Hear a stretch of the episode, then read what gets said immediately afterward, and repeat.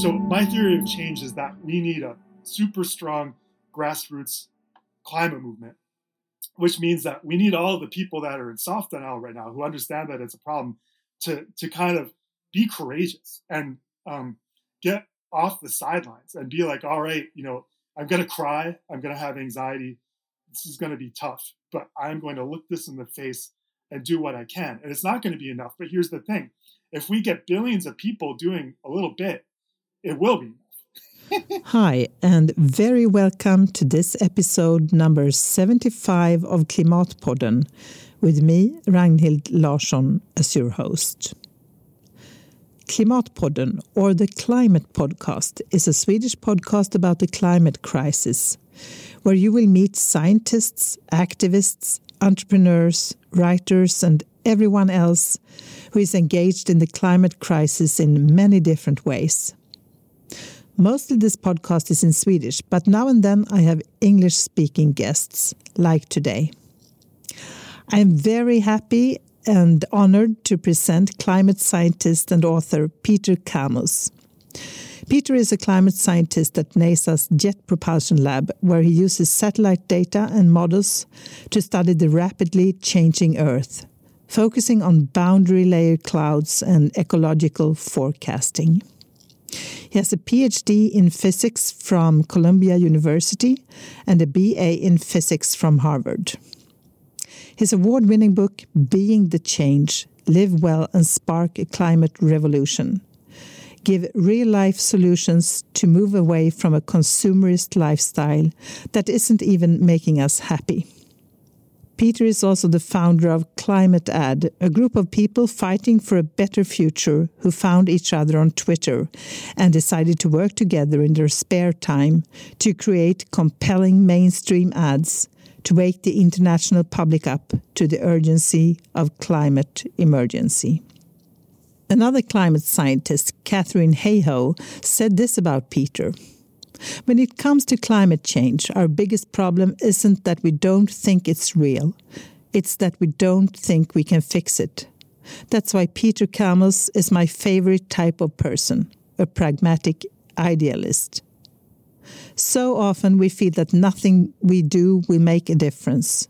Peter doesn't just dispel that myth, he buries it. These gut wrenchingly honest, yet obstinately hopeful reflections provide a roadmap to building our own personal bulwark against the storm we face today. I met Peter on Zoom just a few days before the US election. We talked about why he quit his job as an astrophysicist to become a climate scientist and activist and completely changed his lifestyle, and why it is so important to live as you preach to gain credibility. He talked about why we need a super strong grassroots climate movement uh, with a billion climate activists and bring the soft deniers into it. He also talked about how we get more people to become activists a dating app for climate activists, and why it's so hard to be a climate activist in a capitalistic system, and much, much more. As you might have noticed, Klimatpodden is totally free from commercials.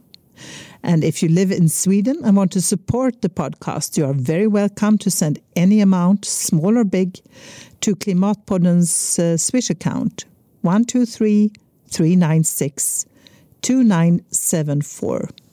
And a big, big thank you to all of you who have already decided to support Klimatpodden and for all your kind words. Please also share the podcast with your friends, neighbors, parents, kids, and colleagues, and anyone who might be interested, and maybe even more, the people you think might not be so interested.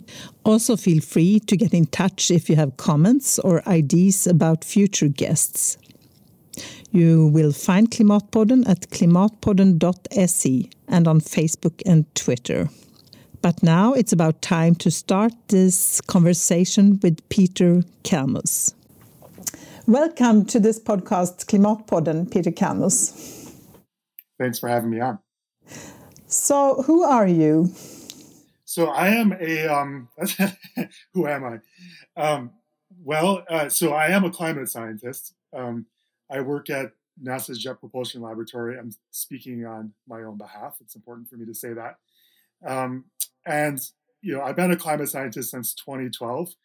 Before then, I was an astrophysicist searching for gravitational waves, and I got too concerned about climate and ecological breakdown, so I had to change. I was I was distracted, couldn't concentrate on the astrophysics. I was looking for it was pretty esoteric. I was looking for gravitational waves from the most magnetic objects in the universe, which are magnetized neutron stars. So that was my main thing. I also looked for gravitational waves from supernova a little bit, um, worked on the detectors a little bit, calibrating them.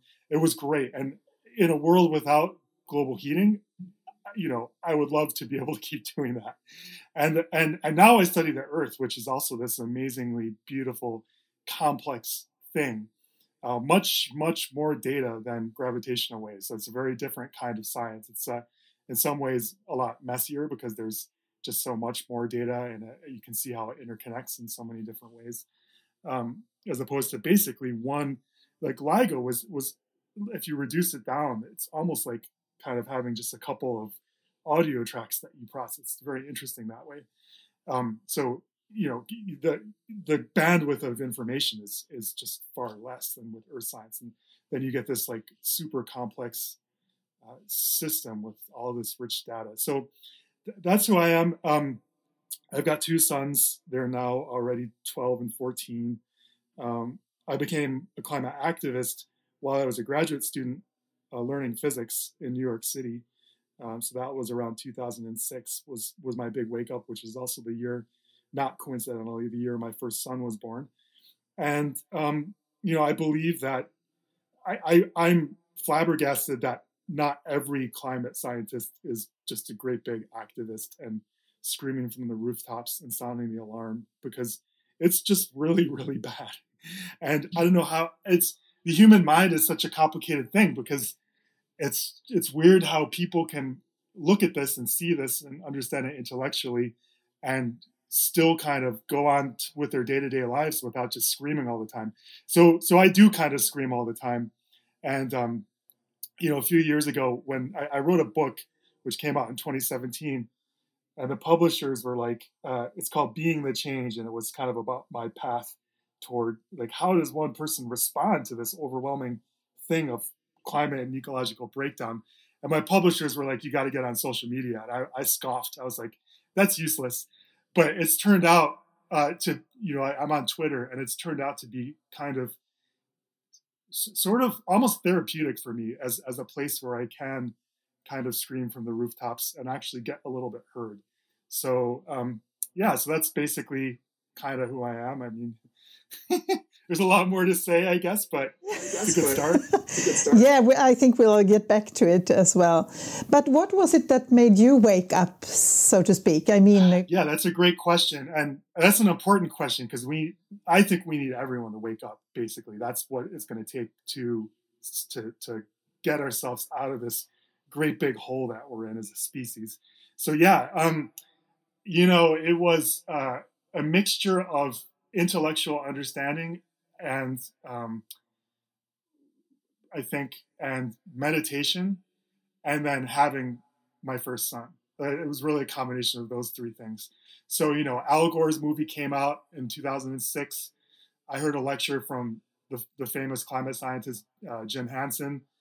Uh, I think around the same time, which got me reading some of the science, and that was really eye opening as a scientist. I'm like, this, you know, this can't at first you're like, it can't be happening this fast. Like I always thought it was going to be like, you know, well after I was, when I was a kid, I didn't think we'd be here now. I thought we'd be seeing these kinds of fires and floods and heat, heat waves and all this stuff long after I was gone, you know, like, you know, 2100 and beyond. Like when I was a kid, that was my sense that was well beyond my, my lifetime and something that the human race had plenty of time to figure out. And maybe maybe a lot of people still kind of feel that way. I don't know. But in 2006, I started looking at the science. I'm like, you know, Jim Hansen was like, the planet's already really out of energy balance, and it's driving all this stuff. And I'm like, yeah, this is really true. It's really happening right now. And then, of course, you know, my son was born, and that that for me that was a just a really big change in terms of how I saw uh, my own life on this planet, you know, and and my own life in the context of sort of uh, cosmic time, you know, like like when you have a kid. When I had a kid, you know, didn't really, I didn't feel like I was a thirty something anymore. I felt more like I was, you know. Uh, 14 billion years old basically and saw you know saw time stretching out in the future and, and saw what was coming for my son and you know, you get all these. I, I got all these emotions of um, just like kind of being cracked open with love. You know, um, you can't really. I couldn't really hide from it uh, anymore. Uh, I, I, don't know. It's you know, it's just it's kind of like an out of body experience, right? and um, and so that was a big change. And then um, you know, meditating, uh, the kind of meditation I do, it makes me it, it kind of centers me in the present moment. And it kind of makes me you know feel my breaths and makes me think about what i'm doing and how what i'm doing connects to everything else. So if something i'm doing is causing harm to other beings um, i'm more aware of it because of the meditation and i don't like it because i want to help other beings. I don't want to hurt them. Um, and so you know, so so that kind of made the connection between burning fossil fuel and global heating and all the harm that it's causing, and it's irreversible harm. It made that more kind of salient to me, uh, the meditation. And so then I was like, you know, I just I got to do something, and I don't know what to do. And then it was, you know, uh, the next kind of five or six years were really, and and even still now, but you know, uh, the the five or six years after 2006 were kind of where I was initially figuring out how how I would respond as one person, which kind of led to the book, uh, which I wrote kind of in the 2013, 2016, 17 timeframe, and um, and then I've evolved a lot since then. So I'm still it's yeah, it's a hard problem. How do we respond to this? And so I'm like like a lot of us, I'm still trying to figure that out. Mm, yeah, I think we struggle, all of us, with this living in these sort of parallel worlds where yeah. people sort of keep on going like as if nothing is happening. And uh, yeah, we got to do our day jobs, and and it's like the planet's burning up, and you got to you know your kids are taking music lessons or something, or going to play uh, sports, and it just feels a little weird when you know it must feel weird to a lot of young people and a lot of kids in school, like to be to be learning their math and their you know their reading and their science, and somehow like this big elephant in the room, which I still don't think a lot. I, I know my kids' teachers aren't really talking about it very much, so that's got to be a weird, uh, a weird kind of disconnect for them. You know, like it's kind of like the adults are pretending they're going to have a normal future with jobs and retirement accounts and insurance and houses and all that stuff. And then like the science is saying that like, you know, everything's going to keep all the stuff we're starting to see now is going to keep getting worse. And that um, there's these, you know, systems that we rely on for global civilization, which are increasingly under pressure and they could start to break. And that could lead to some really scary stuff. So, so yeah, might uh, must I think a lot of the young people that's why they're starting to drive this movement because it's it's much more in their face, uh, you know, and and it's I think it's a bigger disconnect for them. Like the younger you get, the more you're going to have to face this, and the more you kind of the the more you're born into it, right? So you don't you don't you don't have your brain get kind of frozen in this before time that you know older people have where it's okay to fly and where you know fossil fuels are the norm and where we kind of assume that the climate's going to be what it always was right? Like the older people have that kind of frozen into their brains but the younger people don't. They have something very different frozen into their brains which is basically that their whole future is under threat from this yeah, yeah, and it makes me really sad. My uh, daughter turned uh, 27 just um, yeah a month ago, and I was so sad seeing her at her party with all these young people, and just imagining what they have to comprehend. I mean, it's really uh, what have we done? I mean, it's really so. Yeah, and, and what do we do now? now yeah, exactly. What do we keep like, doing? yeah, when you wake up, what do you do? I mean, it's so big, and I have people telling me all the time that they they just kind of you know. I think that's what drives so much of the denial is just this sense of like it's too big for me, and it's too it's too hard to understand even i don't even understand the science i don't understand the solutions and even if i did you know it's it's just too big so so they you know you know i think a lot of people are in hard denial which is where they say it's not even happening and they cherry pick information uh, and they kind of retreat into their tribal identity to kind of make that feel more true to them so and i think that's that's ultimately a lot of that's driven by fear of um, not being able to face this. And then there's there's soft denial, which is you know you vote maybe for someone who's got a better climate plan, uh, you know, and you you you say you you say it's really happening. You say you know trust the scientists, and then you keep on doing the same stuff you've always done, right? And you pretend you're still pretending that there's time or that uh, technology is going to save us or someone's going to think of something big that's going to solve it or that you know the political leaders have this under control and you go on with your life and kind of pretend that you know somehow it's going to go away and that's a kind of denial too so you got the hard denial and you've got the soft denial which is i think just as dangerous because in my theory of change uh, the political leaders absolutely do not have this under control and they they are confused. I've spoken with some of them. They're confused. I think a lot of them are are scared. They feel like it's you know if we think it's complicated, think of how complicated they feel it is. Right? They've got the the industry. They've got labor unions to deal with. They've got um, activists and lobbyists, and um, they're trying to get reelected in a couple of years. I mean, it's what what a crazy amount of stuff they have to juggle, and um, you know, the, the best among them are going to step up and they're going to make climate action their legacy and they're going to try to drive this forward faster. But it's only a tiny fraction of them, I think.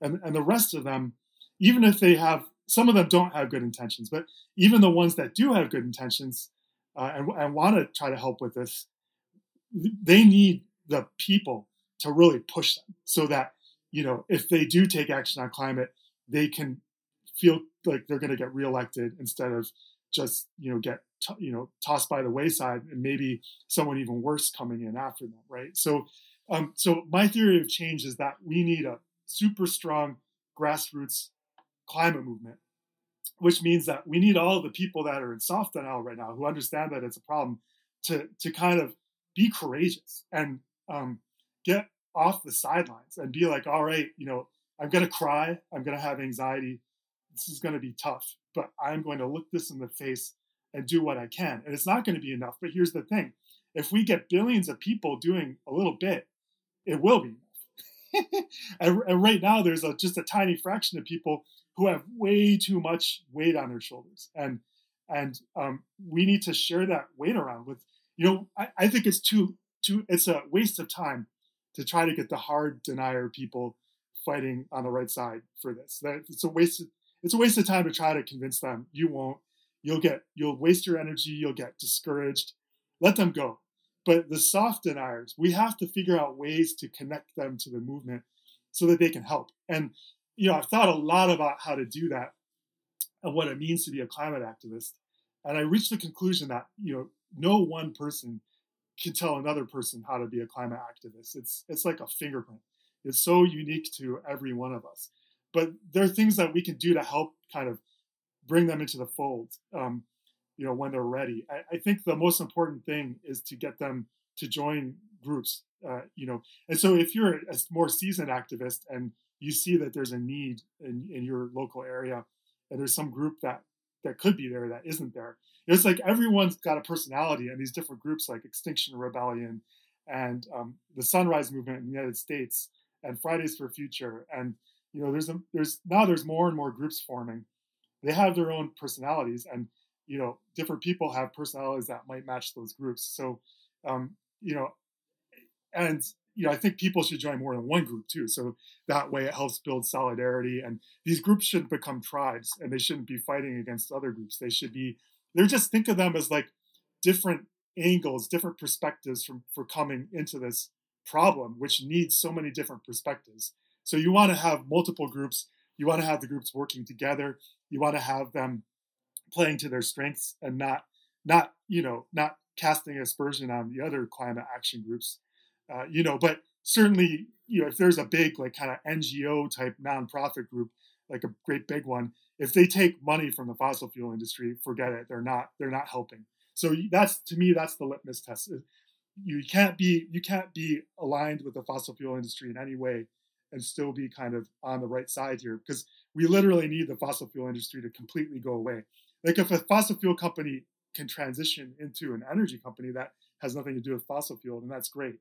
But you know, so um, how to bring activists into these groups, and once they're in the group, they can they can take off. You know, they can use their own skills and creativity and courageousness to do something new. I mean, no one told Greta Thunberg what to do. She figured it out on her own. And there's and now you know it's it, it did its job and we need something we, we need something new now like we need the next greta thunberg now um, and we need dozens of them and hundreds of them and thousands of them and and and that's up that's for the individual activists to figure out how to become that level of um, you know pr- propulsion for the movement right um, it, it takes creativity and it takes courage and it takes kind of almost an obsessive focus on the problem, right?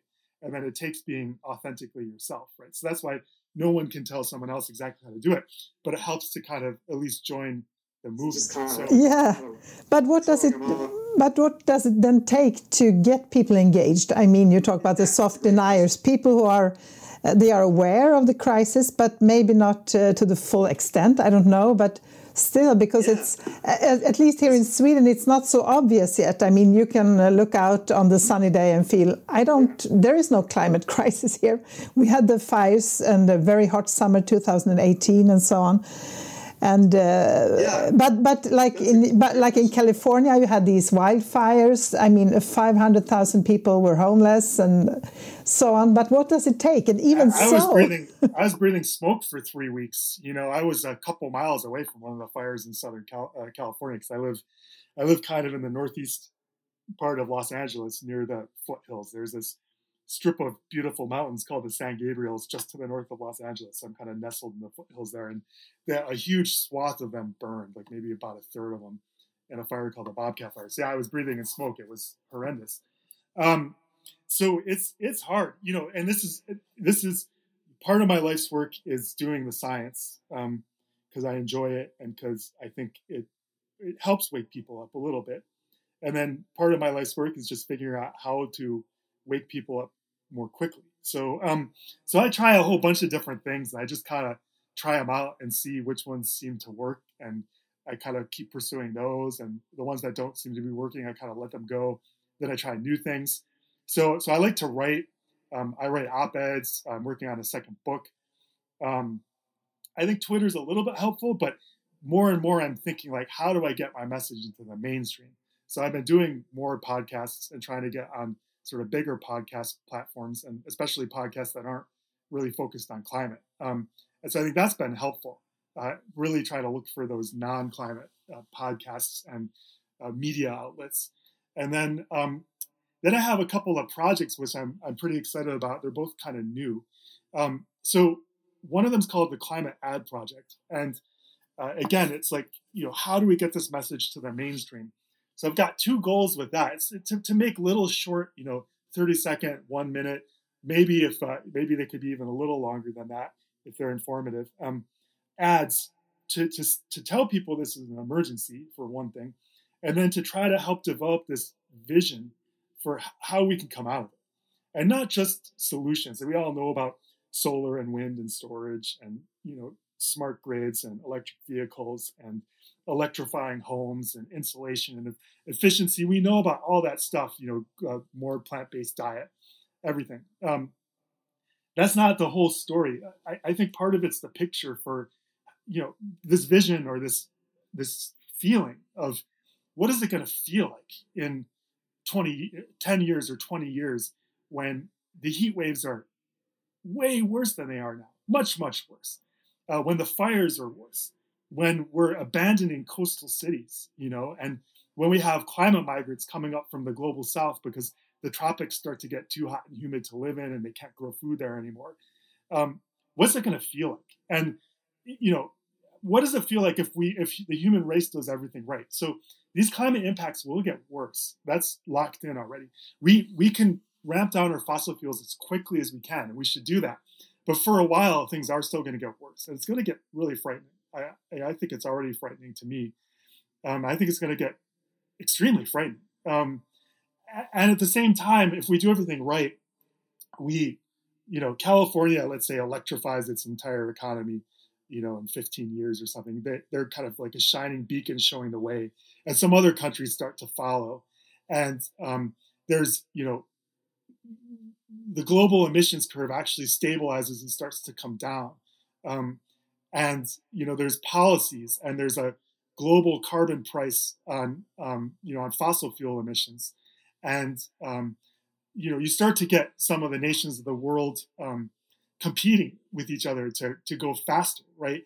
And you start to you start to see maybe a, a little more you know p- people realizing we're in this together and you know realizing the, the rich nations of the world realizing that they have to help the poor nations of the world um, you know, kind of leapfrog uh, their fossil fuel economy straight to a clean economy. So that could maybe open this wedge into kind of sharing a little bit more equitably between countries. And you know, more and more, it, it's but climate justice is front and center, which is I think part of why the grassroots movement has strengthened so much over the last couple of years, um, because it's starting to become a, a non-white, non-wealthy, um, non-old person thing, right? The climate movement. It's becoming younger and diverse indigenous voices, people of color, uh, poor people, working class people getting involved in this movement and, and really screaming out that, hey, you know, the, the frontline communities, the poor and the working class and the global south, we're the ones that are getting hit the hardest and we need a seat at the table, right?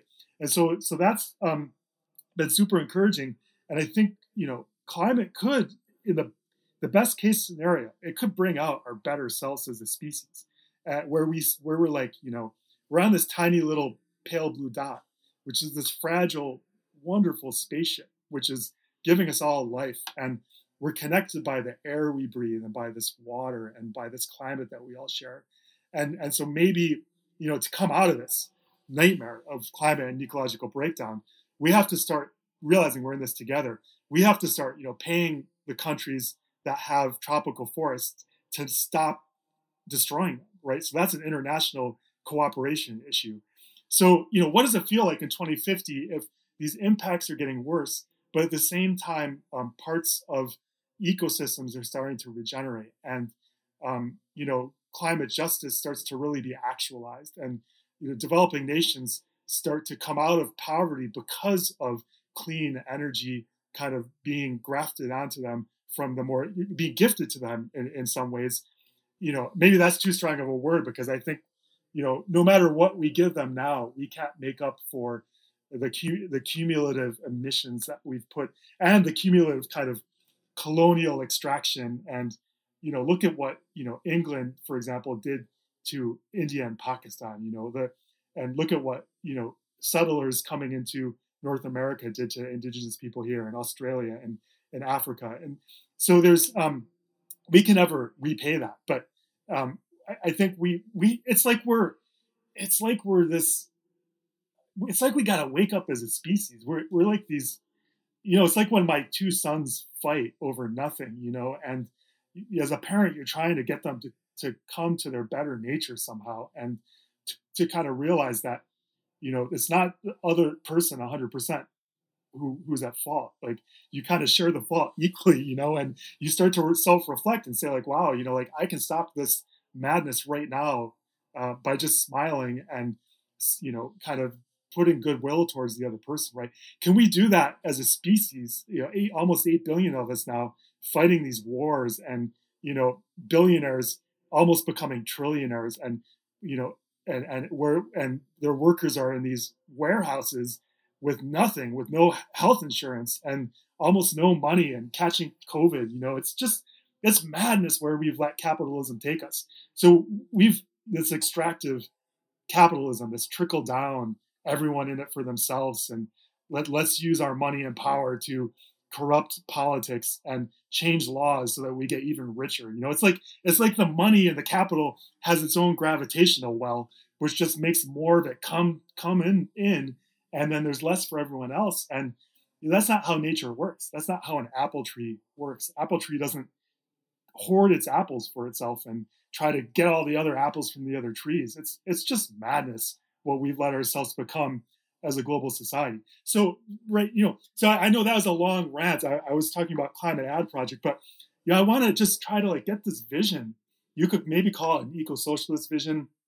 In the United States, people really freak out when they hear the word socialism. So maybe we need better words. But it basically just means we realize that this planet gives us all life, so we have to value the planet, and we realize that uh, you know we're all in this together, and to come out of this, we have to start using less energy. And that means we have to distribute things more equally. And that means, you know, you could call it socialism, but uh, I would just say it's just fairness and common sense and compassion. So you you have this value of the planet, and you have this value for everyone should should be allowed to have a fair shot at making a good life on this planet. And th- those two values, you know, how do we the other way we could go is things could just collapse and we could start getting every every country could put up walls. We could get you know more fighting, and we could get the nations with powerful militaries taking up taking over the nations to the north, like Canada and you know Sweden and you know Finland and Norway and all those the places that are going to become more desirable on a hotter planet. So it could just be this like kind of crazy land grab grab where everything kind of fractures and breaks down and billions of people die, right? That's and there's there's you know famines and everything. That's what I don't want to see happen, right? And and it's not clear to me honestly which way it could go. Um, obviously, I want it to go the other way um, towards uh, planet value and kind of um, we're all in this together c- compassion value. I want it to go that way. So I want to put that out there also with the climate ad project eventually. And then, you know, as people wake up, at the end of each of our ads, we say we need a billion climate activists. You know, go here to find out more. And so, so if I if this succeeds, I want to bring people into the movement. You know, and other people have tried this with videos, uh, but now uh, there's there's new tools that we have. Okay, so there's a couple of things that we have now that we didn't have even a couple of years ago. So Annie Leonard, she's the U.S. Greenpeace director now. She does this thing called Story of Stuff, which had these amazing videos and I think she woke a lot of people up.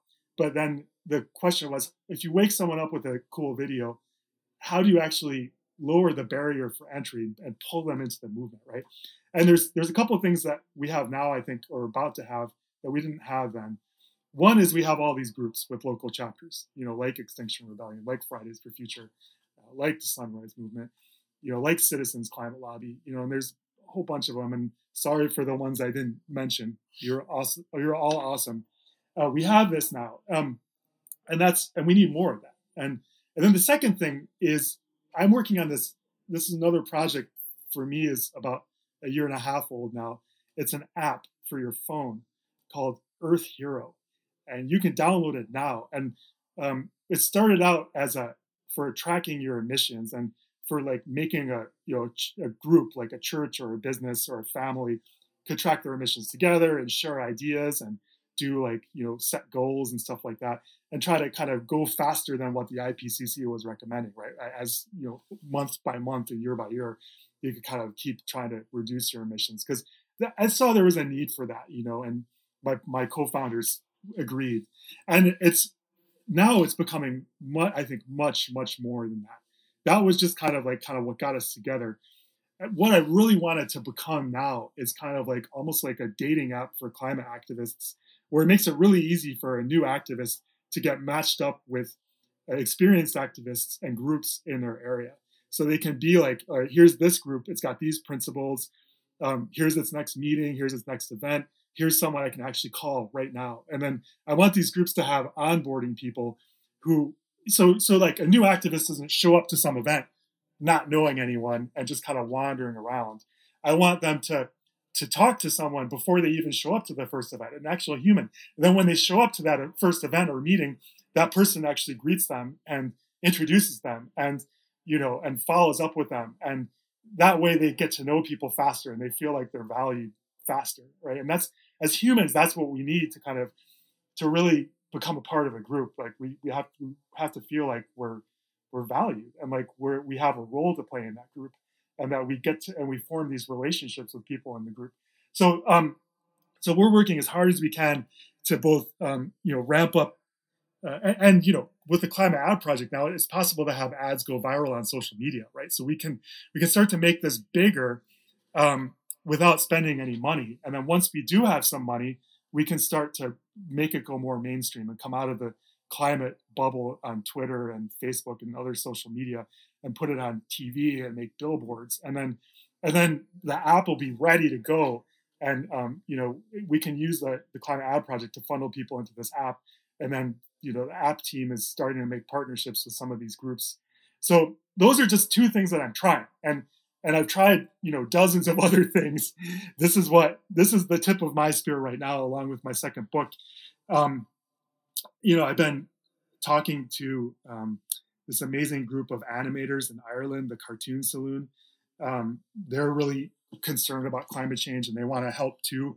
Um, you know, I talk to um, sometimes you know someone from like a talent media like representing celebrities reaches out to me because the celebrities want to help. So all these pieces are kind of like coming together to like really make this megaphone big in a way that that I've never experienced before. Right? Two years ago, two three years ago, it's like I was like you know almost like screaming into the void a little bit, you know, and um, definitely in 2006, 2007, it was a it was a surreal experience to kind of know what was happening and but no one back then literally no one wanted to talk about it it was it was so weird you know um, my family didn't want to talk about it the other graduates physics grad students didn't want to talk about it they i think they thought i was crazy for for always talking about climate change back then um, you know i tried to get Columbia University to switch to wind power, which would have been like a tiny little, tiny bit of money for them. Like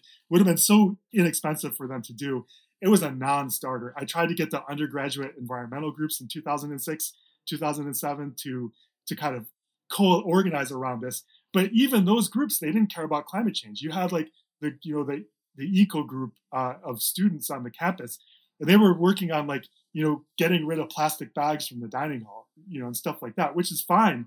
But they but they didn't care about climate change even back then. Like, and they were the eco group, so that was a non-starter at Columbia University. I, I literally think there was one other person in the whole um, uh, university community that was like with me on it, um, and we gave up after a while because it was just people weren't ready back then. Um, in 2011 timeframe, I knew a, a, a youth climate activist. He was around 14 I think he started being an activist when he was 13 or 14.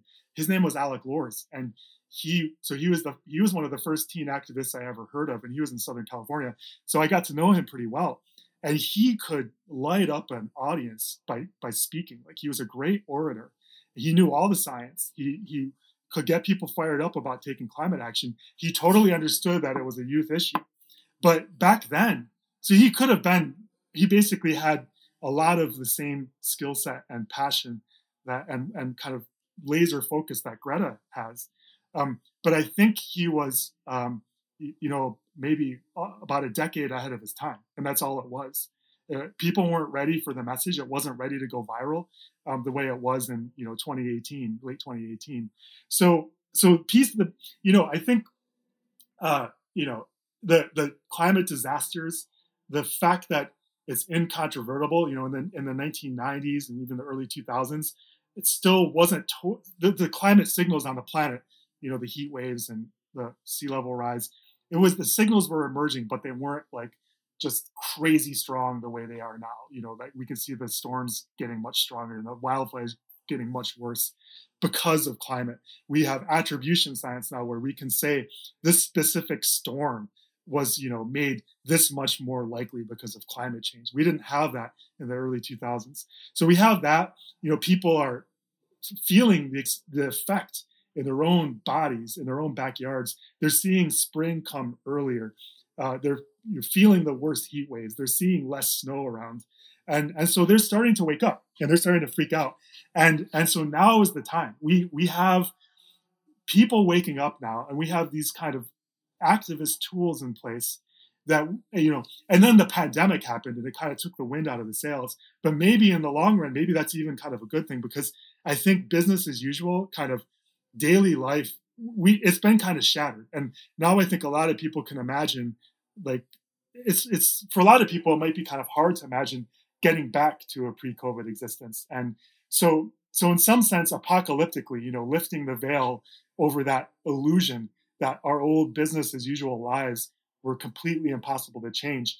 You know, maybe COVID's even kind of helped a little bit, even though it's. I, I believe that for climate activism, you really need to be able to meet face to face. It's very hard to do it without having that face to face connection.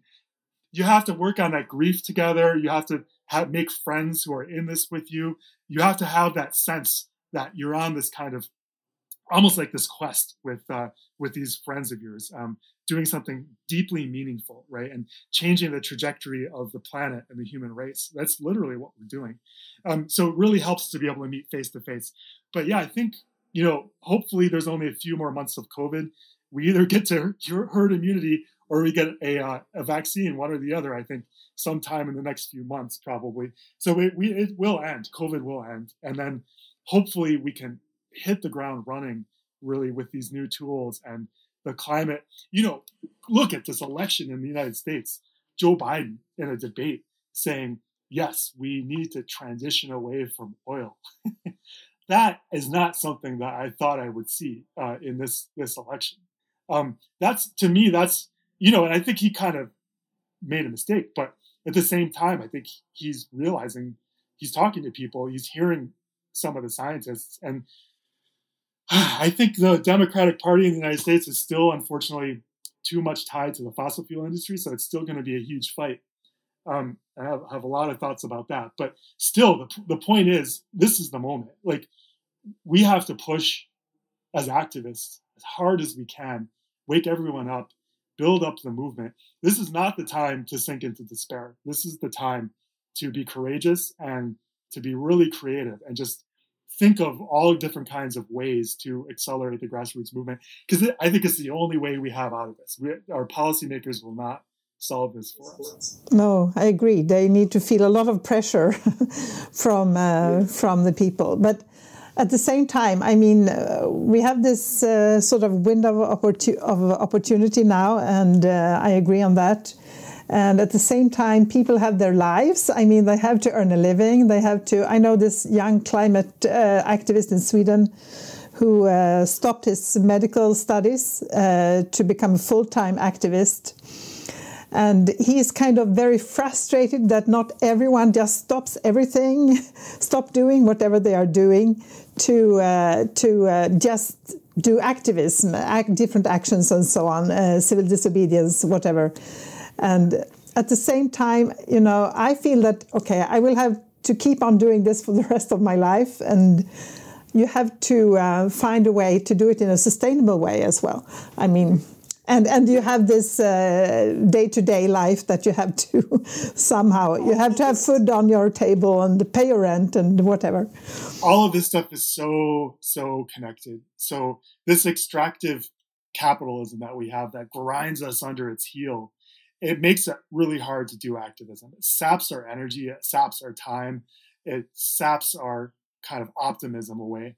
And you're right, under this system, we need to just fight, a lot of us just fight tooth and nail just to put food on the table and pay the rent, uh, let alone, you know, have medical care, especially in the United States. You know, I think in Sweden, you're doing quite a bit better than us on those fronts. And it's just, you know, it, it breaks my heart that Bernie um, didn't wasn't able to overcome the sort of establishment and uh, and and take away the Democratic primary because he would have gotten elected. He would have beaten Trump easily, and then we could have started. All he, you know, he called it democratic socialism. All he was really talking about were policies that a lot of countries in Europe have and take for granted. You know, universal health care, for example. Um, so he wasn't really in in the context of the United States. It's I guess to a lot of people it seemed radical, but all he was really saying was, let's bring the United States into the into the kind of the modern world as a developed nation. And here's the thing, you know, I, I think like I believe in a universal basic income. Uh, that's you know a couple of years ago I thought that seemed kind of radical. Now I think it's totally makes sense, and I believe in a, a four day work week. I think working five days a week is too much. You know, there's been so many gains in production capacity from automation, from computers, and whatnot. And look where look who's gotten the the financial benefits of that. It's all the the one percent, the very rich capitalists, the billionaires, right? So the billionaires hoarding this all, and Jeff Bezos on the verge of becoming a trillionaire, that has real world ramifications. You you the two sides of the same coin, right? The people being ground down, not having money for food and rent, uh, being have forcing to being forced to work seven days a week, having absolutely no extra bandwidth to do activism, right? That and Jeff Bezos becoming a trillionaire, they are the same coin. They're two sides of the same coin. So, and unfortunately, I think the establishment knows this, probably consciously, that you know if they gave the people a little bit more space, uh, four day work week, universal basic income. Think like a lot of activists would be totally happy to just live on that basic income, live very, very simply, and devote all of their time and energy to activism. But what would that do? Activism means we want to, in various ways, various tactics and strategies, we want to overthrow the establishment. We want change. We want to make a better world for everyone, not just for Jeff Bezos. And so the billionaires, the establishment, the elites, the rich class, they, they understand this and they don't want the, the system is working quite well for them. Thank you very much. They pretend that climate change isn't going to get them and they want to keep it the way it is. So they don't want the working class activists to have that space. But we have to fight for it and we have to take it. And I mean, by God, can you imagine the climate movement if we had universal basic income for everyone and uh, a four day work week? Or, you know, it would just be, it would completely change the game. We would have everything socially would change. All of this stuff, the better world we know deep inside ourselves that is actually possible, it would actually start to happen. so, so you know, how how universal basic income that's not like a climate thing right? Well actually it kind of is right? Um, it's you know so is universal healthcare because then you relieve more of that pressure from the working class and you allow them you give them more space to do activism right? It's you know it's madness to me that in the united states you might not even know this but our healthcare is tied to employment so if you lose your job you lose your healthcare it's freaking it's crazy in this country. Yeah. So it's it's all connected, it's all connected together. together. Yeah.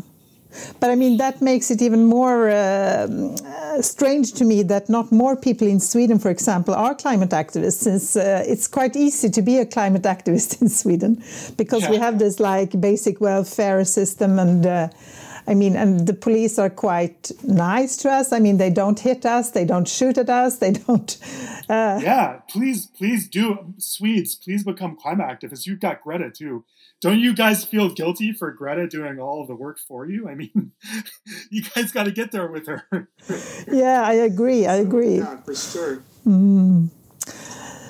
You say that you have gained a lot changing your lifestyle because your book, Being the Change, is a lot about your own journey, changing your, changing your lifestyle. You even say that if global warming would suddenly vanish, you would continue living this way. So, what have you gained, would you say? Yeah, um, well, yeah. So, I mean, with global warming, I, I don't, I don't have guilt. I think a lot of climate activists have guilt, and um, I don't need that. I got another uh, enough other stuff I have to deal with, so I don't want to have guilt. So it's nice, nice not having that. You know, I still I could go further. You know, I, I reduced my emissions by a factor of ten, and in the process of doing, I think I started out thinking like this was like a part of the solution, and I quickly realized it sort of isn't, at least not directly. You know, where it's too little greenhouse gases to take out of the atmosphere to reduce your own. Um, but it is kind of part of the solution indirectly because um, I think you feel better. So, you know, in terms of self care, it's almost like a kind of self care if you're a climate activist. I think that guilt probably is a higher cost than most people kind of realize, I think. And then, you know, if you're saying something is an emergency, which is kind of what I think we're saying as climate activists. Definitely what I'm saying. Um, and you're not acting like it's an emergency, so you're still doing every all the same stuff which is causing this. Then it really kind of makes a contradiction in your message. You know, your actions do speak loudly, and people do notice them. And so, I mean, Greta is Greta partly because she can't burn. She she she has to try to minimize absolutely the fossil fuels that she burns, um, because she knows, like me, she knows that it's killing people, and she doesn't want to do that. So she's made that connection, and it's not like she thinks it's going to save the world. I think you know the way I feel about it. My last flight was in 2012, and um, if, if I got in the plane now, I'm pretty sure I would literally vomit, and I would try to get off the plane, and I'd be like, I can't do this. I, I have nightmares sometimes about planes. Um, because just it feels too disgusting to me to burn that much fossil fuel that intensely for just my own personal gain. Um, I have I have not had any reason remotely since 2012 to fly that would have been not just for my own personal gain. You know, maybe if Congress really wanted me to come testify and I could make a difference, and you know I didn't have time, I would take the train. But let's say they said you got to come tomorrow, you got to get on a plane. That would be the one case that I might consider doing it. But even now in COVID, I'd be like, let's just do it by Zoom. I'll testify by Zoom. We can talk that way. And I think maybe post COVID, I might still be able to do that. Even if Congress wanted me to talk to them, I still might be able to convince them let me do it by Zoom because I don't want the climate impacts, and we know it works. We know Zoom works now. So um, that's the one case I can really think of for getting on a plane, and even that's not a very strong case now. Um, so yeah, like I think you know, look, we don't want to exclude anyone from the climate movement, and so if, if someone's still burning a lot of fossil fuel and they're not ready to reduce that, please still join the movement. We want you. Um, we don't want to exclude anyone, and we we have to make it clear that this is not how we're going to solve it by by people voluntarily choosing in their own lives to burn less. But that said, I think it's still important, and it still does make your voice as an activist. It empowers you. Like my first book, it wouldn't have gotten published if uh, if I hadn't done those things to reduce my emissions. That was my whole kind of pitch, and that got me my first book. That got me my first articles. That kind of put me on the map as an activist. Um, so, uh, you know, it's hugely empowered my platform. And who knows how many people I've brought in as new activists. I hear from people all the time on Twitter to keep going. And I think I've really started to change um, the way scientists talk about climate change. You know, lot, I, I was one of the first scientists who was really speaking out like this was an emergency. And it was, it was terrifying for me at first. I was a brand new earth scientist, a brand new climate scientist. I was very junior. I was basically like a graduate student, and I was, you know, talking to the New York Times. I was, you know, talking to the media. I was writing articles. I was saying this is really an emergency. Um, uh, writing op-eds saying we should fly less. You know, I got in kind of trouble for that one because the, you know, some of the tabloids, uh, it got that one got in the Guardian, and then some of the tabloids um, just uh, reprinted it basically for for uh, for clicks for for clickbait, and and they said that I was calling like all of the global all the science, climate scientists in the world hypocrites for flying. So I got a little bit of heat from for for saying that, um, and it was terrifying at first. But I think I can't not do it. I have to say this is an emergency. I have to say that yes, as a human, I'm terrified. Here's a plot of the planet getting hotter. Here's the plot of heat waves getting worse. Here's a plot of how the fires are going to get worse in the future. Um, here's a plot of how humans are not going to be able to inhabit uh, the you know India and, and Central Africa and tropical you know Central and South America and Northern Australia, whatnot, and Indonesia. Billions of people are going to have to move out of those places by the end of the century. And here's a plot that shows that if we stay on this course. How can I how can I not get emotional about that? I mean, I've got kids. I love this planet. I love the coral reefs. I love that there's a Amazon rainforest. I mean, think of think of coming to this. Think of if you were an alien coming to this planet for the first time. What would be the most impressive thing about it? It would be all of this crazy life on this planet, and now we're losing it super fast, right? So how can I not sound the alarm? But it was scary. I thought I would get fired. I thought my career as a scientist would be over, but I kept speaking out anyway and now it's normalized. You know, now scientists are really speaking. When I started speaking out, scientists were writing op-eds all the time saying scientists should not speak out. It's going to make you know the public trust us less. It's going they won't think we're objective. Our job when we basically they were saying when we become scientists, we give up our right to speak. and I was like, no, I completely disagree with that. You can go look at it online. There were scientists actually basically saying they didn't phrase it quite that strongly, but that's effectively what they were saying. I'm like, no way, I do not give up my right to speak out as a human, as a parent, um, as a citizen. I if I want to talk about policy, I'm going to talk about policy. Yeah, I'm not. I'm not like that's not my job, but I'm a citizen. Of course, I have a right to talk about policy. It affects me. It affects my kids. It affects the things I love on this planet. So now that's much more normalized. And you know, I, I have to say, I think a lot of that was due to me kind of like starting out. So, so yeah, you know, one person can make a big difference. And um, and again, I don't think that I would have been able to. My path towards doing that was um, reducing my emissions. So, so it did have an impact in some, and but the impact was not you know, reducing from, you know, taking 18 tons per year out of the atmosphere, right? Uh, when when you have you know 40 billion tons being uh, emitted every year, right? So it's just too that's too small, and I would have gotten depressed if that were the reason I was doing this. But it was you know, it was the indirect stuff. Now you raise a good point. Yeah, there's a lot of stuff I would keep doing even without climate change. Like biking is at the top of my list it's just this joyful thing. It gives you exercise. It takes away my depression. It you know helps keep me from getting sick. It really does do all of these things. Um, so yeah, I I love biking and absolutely I would keep doing that. Uh, growing food. Um, what an amazing thing! To see the miracle of a tomato plant coming up from a seed and then you know nursing it for months and then eating the first tomato from it, smelling the smell of that plant, and you know all the trees uh, same way. It's just to me, it's a it's a really great way to get in touch with something. I really think that miracle is not too strong of a word. I mean, if you you bite into an apple or eat an avocado or all of the food that this planet produces for us, it's just such a it's like a sacrament. It's there's something really sacred about knowing that the earth is making that for us and then it tastes so good and it's so satisfying, you know, to eat it, and it makes you healthy and it allows your body and mind to keep doing activism and trying to bring this new humanity into being. Right? What a what a sacred thing. So I love growing food, and and then growing food, you can't help but get connected to community because you find out the other gardeners in your area because when you're starting out, you want advice. You trade seeds with them. You trade information. You trade zucchini when you grow it. You know, you have too many lemons, so you trade those, and someone gives you uh, something that they have too much of. And it's a beautiful thing of the community that comes just from a few people growing food in their front yards and their backyards. In your front yard, you could put up a sign. You could grow some fruit trees in your front yard. You could put up a sign saying, "Please take a take a few fruits." You know, as you're walking by. Why not do that?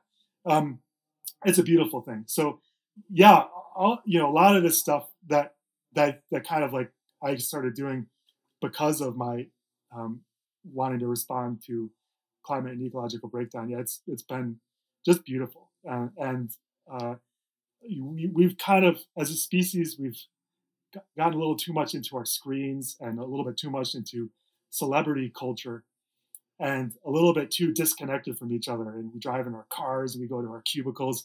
So, and we're not as humans, we're not set up for that. Our brains don't thrive when we're disconnected from people. We're, we're so deeply social that we can only really be happy when we feel like we're contributing to community and that we're valued and that we're laughing with people and figuring things out with people, you know, and, and, and that's, again, that's why it's so important to join these climate groups, right? Because you don't, you don't, don't want to be like me in 2006 when I was like kind of metaphorically shaking people by the lapels and being like, why don't you care about this? You know, I felt so gaslit. I felt like I was crazy to to know about climate change. And you don't want to be like that. You definitely want to to make friends. If you if you have friends who are climate deniers, you probably frankly want to stop spending time with them. And you want to spend that time instead with people who get it and people that are who are working to make this um this a world that works for all of us and works for the planet that's where you want to be putting your time and energy now. Yeah, exactly. I agree a lot. I mean, it gives, I feel that it gives my life a lot of meaning doing this together with other people who get it. Exactly. Because it's, I mean, I can't imagine uh, not doing it now. It's like yeah, uh, you can't go back, of course. But I was curious, what gave you that courage to speak up when you were young uh, climate scientist? Well, I need to see Greta's new documentary. I haven't watched it yet. I'm looking forward to it. But I've always kind of hypothesized that so what gives Greta the courage to to speak to the United Nations, right? Uh, and speak truth to power. When I mean, what an incredible amount of courage. But for me, it's because I'm more terrified about climate and ecological breakdown. That's all it is, and I think that's probably the same for her. Um, so if if there's something more scary, then you do the thing that's less scary, um, and you you have that courage. And then the second thing for me is um, you know, maybe this is partly the meditation, but you know, and I've seen a lot of ego in climate activism, and it's a big problem. It makes it hard for people to work together. Uh, and, and, you know, meditation helps me kind of reduce that. And I still have it, but I try to reduce it. And um, sometimes, you know, on my best days, I really feel like uh, what I'm saying and what I'm doing not coming from me. It's coming from something else, something speaking through me some some deep truth that I know. I know we need to stop this. Um, I I know this is a special time to be alive because we're on the verge of losing everything, and and this is going to be irreversible. It's gonna the planet will be hot for hundreds of years. Um, the CO2 will be in the atmosphere for thousands, tens of thousands of years. Uh, biodiversity degradation, a, a, a, you know a degraded planet, a degraded biosphere uh, after a sixth mass extinction, where you don't have all, all of the amazing animals and plants and species that we have on this planet, we won't have them. Um, and that could last for up to 10 million years. Like that's this is irreversible stuff. This is this is cosmic level stuff that we're facing, right? And I, I know this. And then you know I I see people. It's hard to speak about this, right? And I see other people try to talk about climate and and try to like put all these pieces together and try to inspire. And it's not easy to do. So, um, you know, I've got a lot of practice doing it, and um, I feel like I'm ready to kind of bring this message out. Uh, but it's not my message. It's it's this kind of, you know, I don't want to sound too. It's not about me. It's kind of what I'm trying to say. It's it's it's about the coral reefs, and it's about my kids, and it's about the young people, and it's about people who haven't been born yet, and it's about maybe a little bit about the planet itself. You know, if um, if the planet has a consciousness, maybe a part of that consciousness is um, climate activists starting to speak out and starting to, you know, people putting themselves in trees so that the tree doesn't get cut down. You know, um, and trying to protect forests for orangutans and getting arrested for climate action to, you know, putting their careers and their lives on the line. You know, I'm I'm lucky as an activist because there's a lot of activists and indigenous activists in, in many countries of the world who are literally being murdered for just doing the same kind of stuff that I'm doing. And so, like you in Sweden, you guys are are fortunate to be in a place where you don't have to risk your lives to speak out. It's kind of it's the same here. Um, we have a I think we have a sacred responsibility to to keep doing that. So yeah, so um, you know I um, I, I recently, I, I, for many years I've known that if if there was some way that I could give my life, and it would magically stop this and make the planet kind of be balanced again, I wouldn't hesitate for a second to do that. I would gladly give my life for that. And so to to give my career and risk my career is nothing, you know. And that's just kind of speaking as a parent. You know, a lot of parents would would would not hesitate for a moment to give their lives to save their kids, right? And I think that's where we're really at. Like, you know, uh, when my first son was born, I was like looking into the future, and I don't want him ever to uh, to not have enough food, you know, and I don't want him to ever be getting shot at or to be shooting at someone, you know. So, um, you know, and and and I really think that a lot of people are underestimating how frightening the world that we're heading into is, and um, so yeah, I hope more people, you know, I, I have compassion for climate activists and, um, you know, I, be be safe and be be smart about how you do this. But yeah, I think it is time for those of us who get how serious this is to put our careers on the line and maybe even to start, you know, risking arrest and even starting to put our lives on the line for this. Um, so yeah, it's hard. It's you know, and it's hard for me to say that from you know my comfortable seat here, uh, where I don't feel like my life is at risk, and you know, when there are activists who really uh, are losing their lives over this. So, but we should we should not let their lives be in vain, and we should do everything we can to to support again because if we had a couple billion climate activists, we would turn this around so fast. I, I really think, right? And and and if we had that many climate activists, people wouldn't have to be giving their lives and they wouldn't have to be risking their careers. It would be normalized, and your climate activism wouldn't be a a risk to you. Um, it would be uh, something to be celebrated and awarded, you know, and that's the way it should be because, but unfortunately, when you have, you know, the power is not there. The power is in the status quo and the fossil fuel status quo. And so the money and the awards and all that stuff, they go to the people who don't, unfortunately, who don't rock the boat too much and who don't threaten that establishment. And so for now, at least, um, we have to keep working with risk and we have to keep working without expectation for getting awards or, or being paid for this. And that's where we're at now. But what we do get paid with is knowing that we're on the right side of history, knowing that what we're doing is deeply meaningful, uh, knowing that there's no other way we would want to spend our lives, and that we get to be fighting this uh, side by side, shoulder to shoulder with each other. So, and to, and to me, that's that's enough for now. So, what would you say to a person who is like not a climate denier, uh, and uh, I mean, who is aware of the problem but feels very uncomfortable with the idea of being uh, doing civil disobedience or being a climate activist? Do you have a good argument?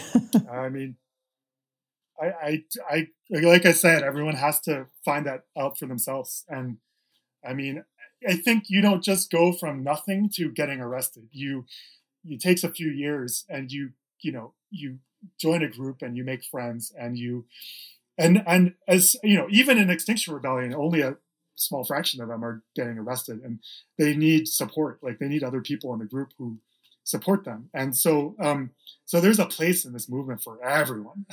And there's uh you know there's there's a place for people to campaign for you know for for climate candidates and that's that's really low risk right?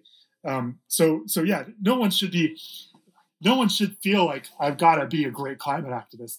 I just want people to be a climate activist, period, and do something, any any little thing, and just get involved. And then um, you might kind of get excited and enthusiastic, and you know, and uh, then you might start doing more stuff, and it might be totally different than the kind of stuff I've been talking about. It could be a, a lawsuit, or it could be you know a website or it could be a new group or i don't know even know what it could be. It could be a, a novel. It could be a play. Um, it could be a film. It could be a, a song. I don't know um, there's and and that's what i just said there is like that's like one per you know one percent of one percent of the possibilities so so I, I don't know what it's going to be and that's what's kind of beautiful like i want i want climate activists to surprise me and you know greta surprised everyone and you know, I think a lot of people have been thinking, you know, if I could go back in high school, I'd strike. But uh, I, you know, I was definitely thinking that, but I didn't know how to do it. And um, and even if I had done it back in when I was in high school, it would have been too early. Um, you know, and, and so it's beautiful to be surprised by this stuff. And I guess you know that's the best I can say. And, uh, maybe that's a good place to leave it. I, I want a billion climate activists, and I want everyone to to join this movement and however however you can yeah thank you so much peter i mean uh, i think that people like you gives me a lot of hope and uh, all the activists out there who do a great work so i just hope uh, that we will be many many more doing this work together because i think together is really the key because we are so alone and um, to do it on our own won't change anything. So it's overwhelming and it's less effective. Yeah, I completely agree. Yeah. So, um, all right, have a good one. Thank you. Thank you again for having me on. Thank you so much.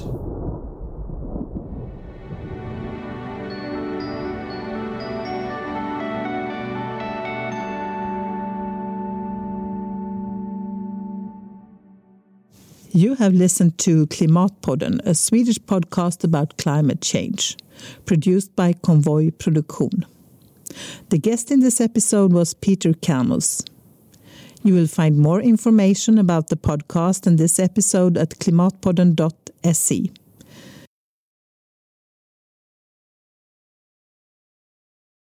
Please follow Klimatpodden on Facebook and Twitter. And if you live in Sweden and want to support the podcast, you are welcome to send any amount to uh, Klimatpodden's Swish account 123 396 2974.